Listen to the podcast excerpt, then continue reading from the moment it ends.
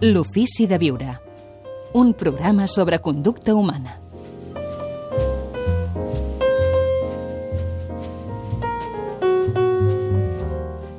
Avui tancant l'ofici de viure amb Àlex Rovira. Què tal, Àlex? Ben retrobat. Feliç d'estar aquí, Gaspar, Parlant de l'ambivalència en la nostra societat. A Occident, vaja, sembla que si pensem A, no podem pensar B.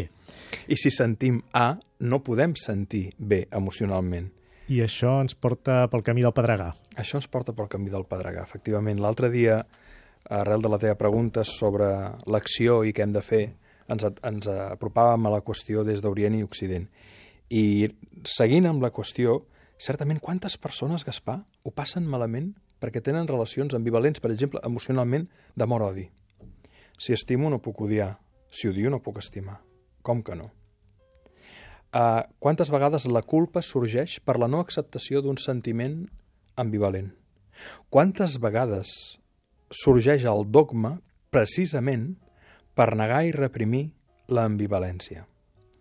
Com hem estat educats, eh, no ja des de la dualitat, sinó des de si és A, mm, ha de ser B, o eh, si és A, no tens altra opció que considerar aquesta opció, eh, generem moltes vegades grans patiments, sobretot per part dels dogmes, eh, a les persones que no saben com encaixar ni com ubicar en el seu interior eh, coses, anels, situacions, relacions que consideren eh, incompatibles, però que realment l'acceptació de l'ambivalència, les...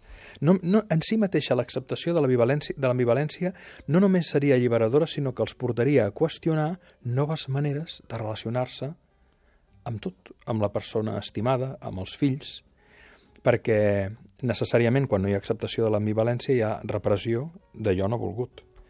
I la repressió a la llarga s'ha de gestionar, i si no es gestiona, esclata.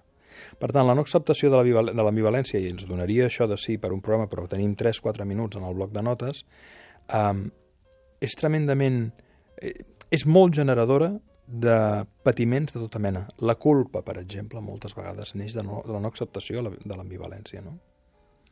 La culpa eh, i fins i tot la, la voluntat de voler ser o de voler fer que les coses siguin d'una manera. O estàs amb mi o estàs contra mi.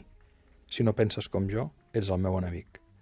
Uh, I això ens porta en el manicaïsme i en els resultats electorals que estem observant arreu del món. Al final, tot populisme no accepta l'ambivalència. O ets amic o ets enemic, o ets d'aquí o ets de fora, o ets bo o ets dolent, o ets blanc o ets negre.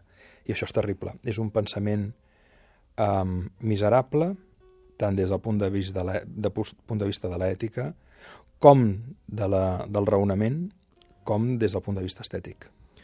Proposo, Àlex, que en continuem parlant la setmana vinent, eh, perquè als, als Estats Units eh, fa poques setmanes eh, deia eh, Deepak Chopra que aquest és el problema que s'han viscut amb la darrera victòria electoral de Donald Trump, no? la no acceptació de l'ombra.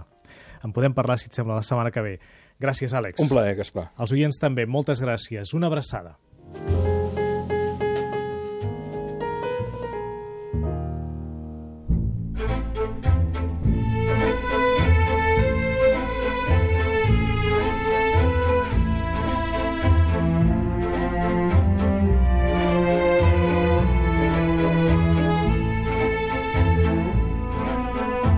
L'Ofici de Viure és un programa que dirigeix i presenta Gaspar Hernández. A la realització tècnica, Eduard Nas. I guió i coordinació d'Elisabet Pedrosa.